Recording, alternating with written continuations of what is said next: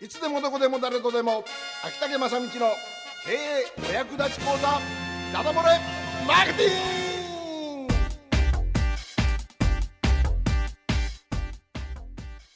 さあ時刻の方は6時を回りまして、えーいつものように、えー FM 北九のスタジオから生放送でお送りしておおおお送りとお届けしまった。お送りしております関門独立峡谷2時間目に突入でございます。この時間からはえ我が大統領のマーケティングというより大統領って言わないんだ、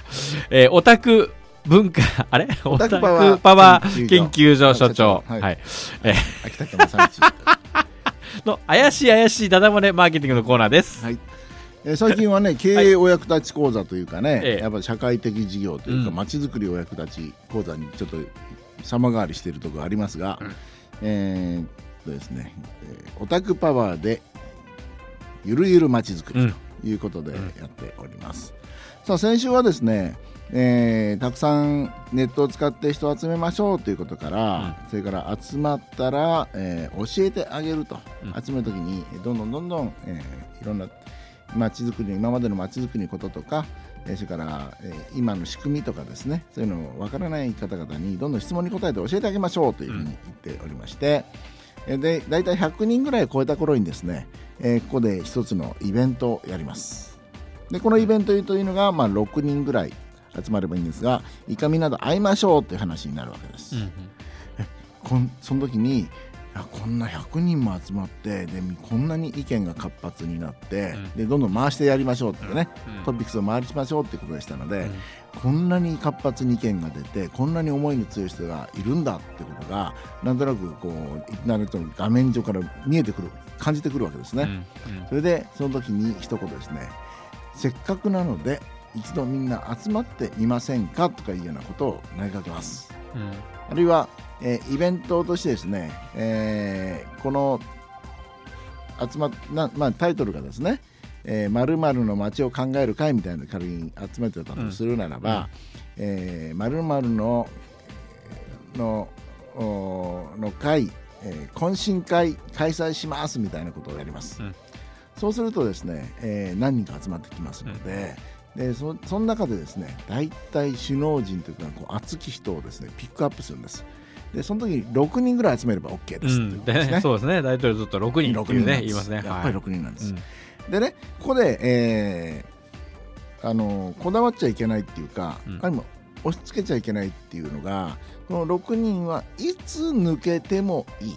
うん。わかります、うん。最初せっかくこの欠板するぐらいの勢いでうん。集まったのに、うん。あいつは抜けたとか働かんとか、うん。えーそういうことを言うことはおやめやめましょうって話なんです、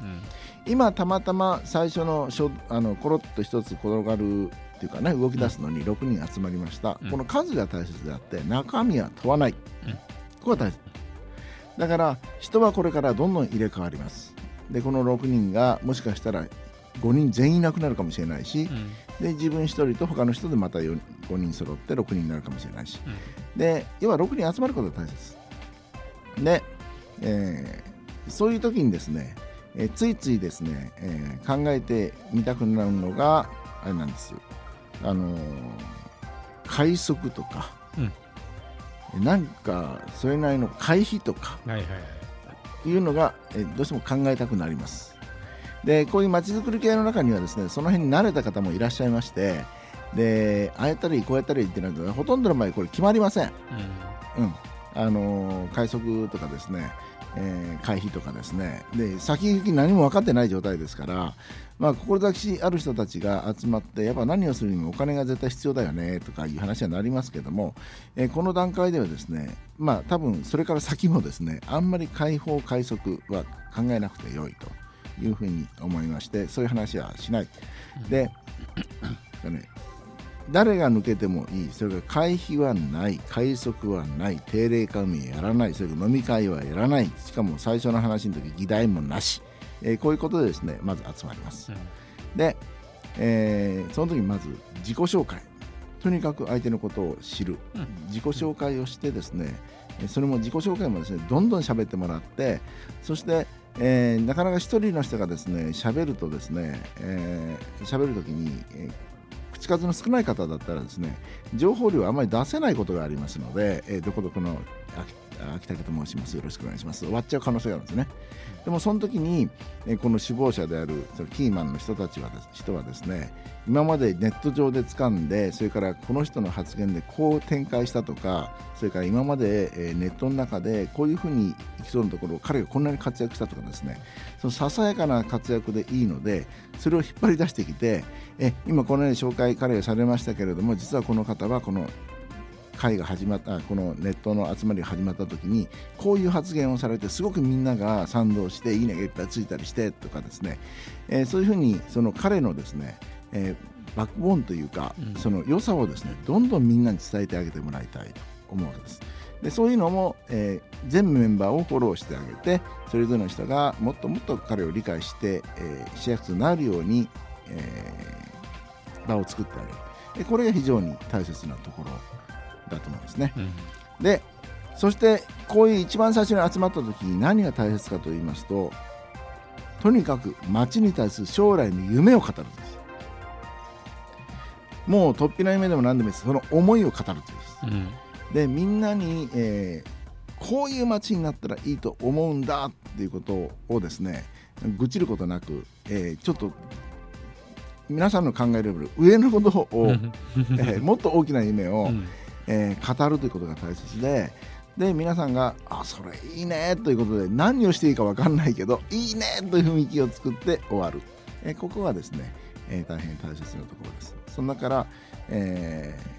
ももちろんそうやって集まりますと20人30人来ることもありますけど、まあ、6人以上おれば OK ということですね。でそれが核となりましてでそれを終わりましたら、え早速 Facebook なりミクシーなりのトピックスで、えー、こういう話をしましたというふうに、えー、報告をすると、うん、で今であれば、えー、写真もアップしやすいんで、え写真もしっかり載っけてですね、えその話の内容を皆さんと共有するということになります。はい。えということでこれが終わりますとですねこういう儀式が一つ終わりますと、え次はですねもう一度今度次のイベントに入るわけですけども、えー、こういうまず集まって懇親会みたいなのを開いたりして、うん、えー、その後に次のイベントに入ります。この次のイベントのタイミングが非常に難しいので、うん、これは次回にお話したいと思います、うん、すごいですね。いい感じで引っ張りますね。次回でこれ次回で、次回の次の回に次のイベントでございますが、次回はですね今一度ですね、うん、その回を引っ張る上のリーダーシップというものに関してですね、えー、どのような、えー、リーダーとしての見せ方がいいのかっていうことをお話ししたいと思います。うん、はいということでちょっと早めでございますが、はいえー、オタクパワー研究所、うん、所長秋竹正道の「オタクパワーでゆるゆるまちづくり。はい。以上です。ですね。今日も実践可能な話ではね、と飛び出してましたんで、皆さんどうぞ参考にしてください。はい、ということで、以上、この時間は、あダダ漏れマーケティングでございました。一曲お届けしましょう。米米クラブ。だね、米米クラブの曲なんですけど、あの、ファックス、ファックス、ファックスって言ってた割には、えっ、ー、と、いて、家にファックスがないので、えっ、ー、と、Facebook で えー、メッセージを送りますとかね、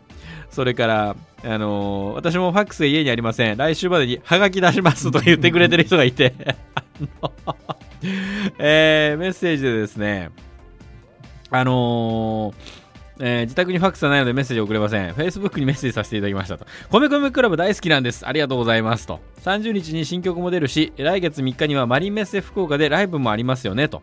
先日のテレビで関ジャニの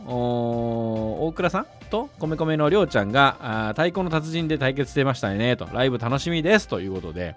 実はそうなんですよ。あの、最近この米米のライブのニュースっていうか、あの、CM なんかが、はい、えちょこちょこ入ってきてまして、うん、で、それもあって、私も米米好きでですね、うん、あのー、聞いてみたいと。いうことで、今日は米米ばっかりいこうかなと。いうことでございまして、お届けしていこうと。いうことです。はい。えー、続いての曲が、君がいるだけでしたっけ？私、ね嫁さんの、あ、今の嫁さんだよね。もう聞いてる時間からまずいな。前の嫁さんとの結婚の時に、えー、なんか使った曲でございます。君がいるだけで。米米クラップ。